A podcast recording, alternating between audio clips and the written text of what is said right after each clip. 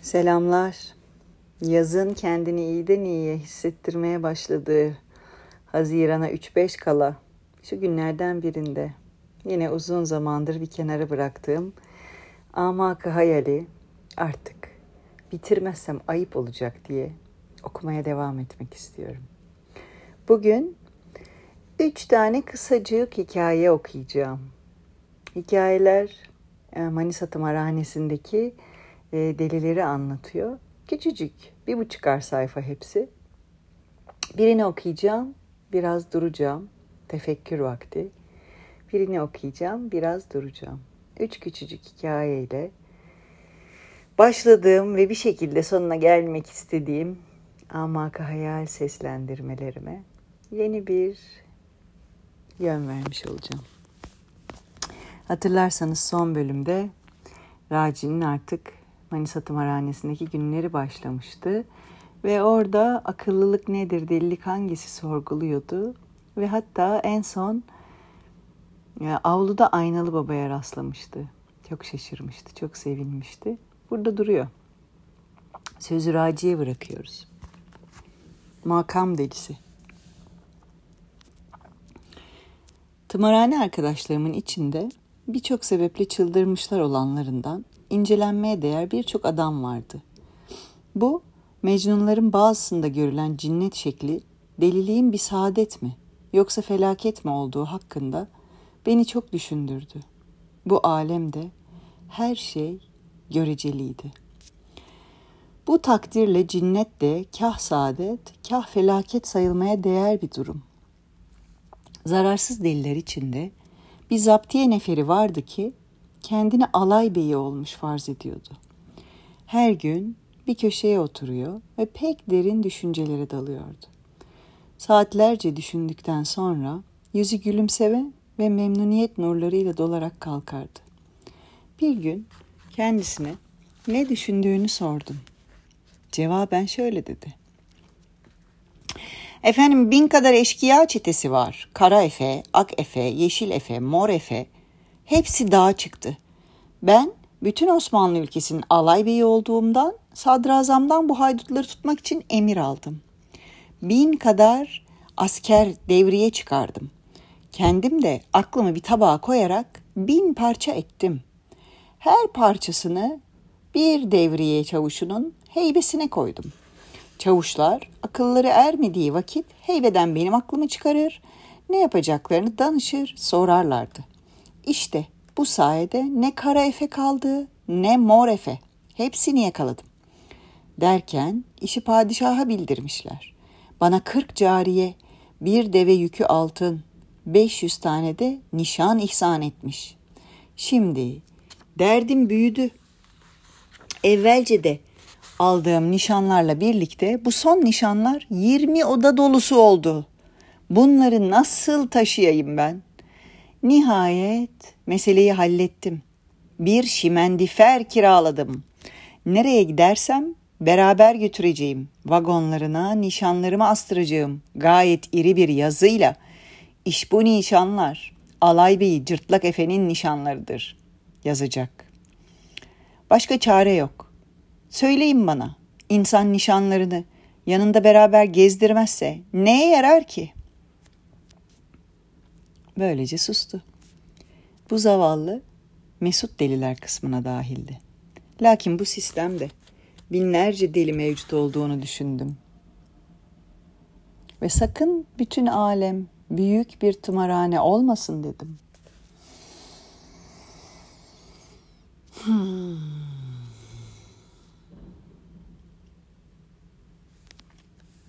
Tefekkür arası. Ve bir nefes sonra bir sonraki küçük hikaye. Çifte hafızlar. İki deli varmış. Bunlardan biri hakikaten hafızmış. Diğeri ise arabacı. Bunlara çifte hafız denmesinin sebebi arabacının diğerini her defasında taklit etmesinden ileri geliyormuş. Demir parmaklık önüne deli seyretmeye gelen akıllılar, Müslümanlara has bir ihsan ve şefkat tavrıyla delilere öteberi, Özellikle de tütün, şeker vesaire getirip bırakırlarmış. Bu yüzden delilerin obur ve pis boğaz olanları parmaklık önünde seyirci gördükleri gibi gider. Her biri ihtisası dairesinde saçmalar savurarak tütün vesaire istermiş.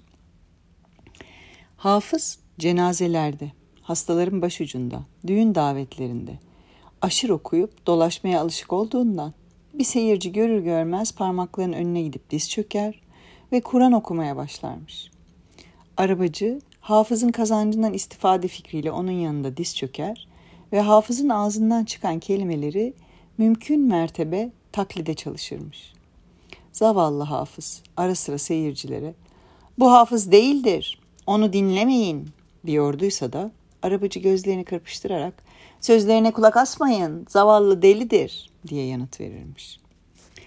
Bir gün bu yalancı hafızla görüşürken niye hafızlık tasladığını sordum. Pardon, baştan okuyorum. Bir gün bu yalancı hafızla görüşürken niye hafızlık tasladığını sordum. Bana dedi ki, hafızı dinleyenlerin yüzde doksanı okunan şeyin doğrusunun benim okuduğum mu yoksa onun okuduğum olduğunu fark etmekten acizdir. Bir adam bunları usulünce ne okursa okusun Kur'an sanırlar ve başlarını sallarlar yalnızca. Bizim hafız da okuduğunu anlayanlardan değil ki. Şu halde seyircilerin çoğu benim hafız olduğuma yemin bile edebilirler.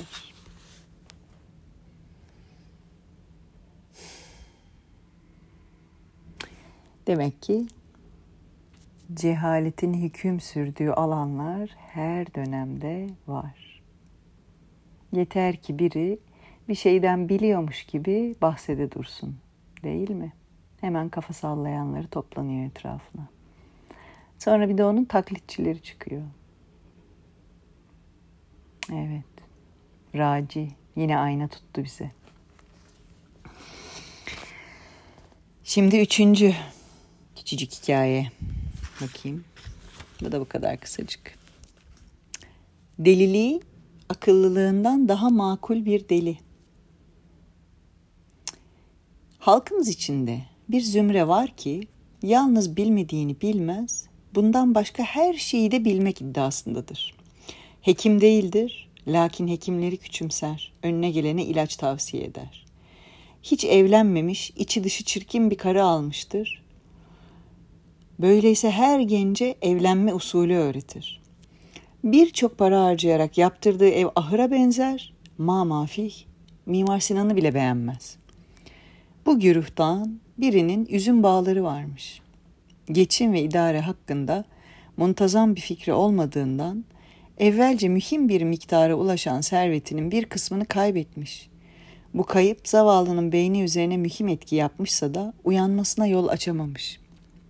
Bağlara arız olan filokserayı, bu bir çeşit böcekcik, gözle görülmez hayvancıkların meydana getirdiğini duymuş.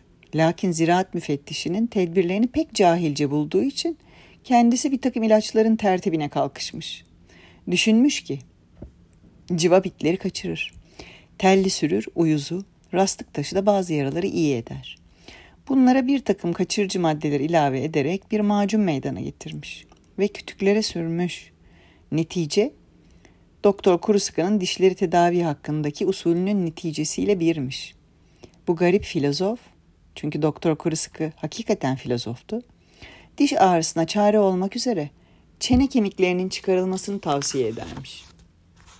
İşte bunun gibi civa merhemi kaşifi de bu ilacıyla yalnız hayvancıkları değil, kütüğü de beraber kurutmanın yolunu bulmuş. Bununla birlikte çıldırmazdan evvel olduğu gibi şimdi de her deliye merheminin faziletinden bahsetmekten vazgeçmezmiş. Bir gün Yine macundan uzun uzadıya bahsettikten sonra yanıma geldi, bir sigara aldı ve kulağıma şöyle dedi. Başkalarına dediğime bakma. Eğer bizim macundan birazcık sürür sürersek bağ kütükleri süpürge sapı oluyorlar. İşte deliliği akıllılığından daha makul bir deli de buydu. Evet hiçbir şeyi beğenmeyip kendisi de elindekinin köküne kibrit suyu döken insanlardan. Oluyor. Delilik ne, akıllık ne? Anlam ne? Boşluk ne? Bu kitap düzenli olarak bize bunu sorgulatıyor değil mi?